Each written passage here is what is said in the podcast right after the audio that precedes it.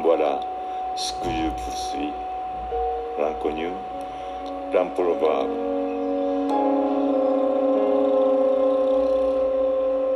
Trouver sa beauté dans l'impossible.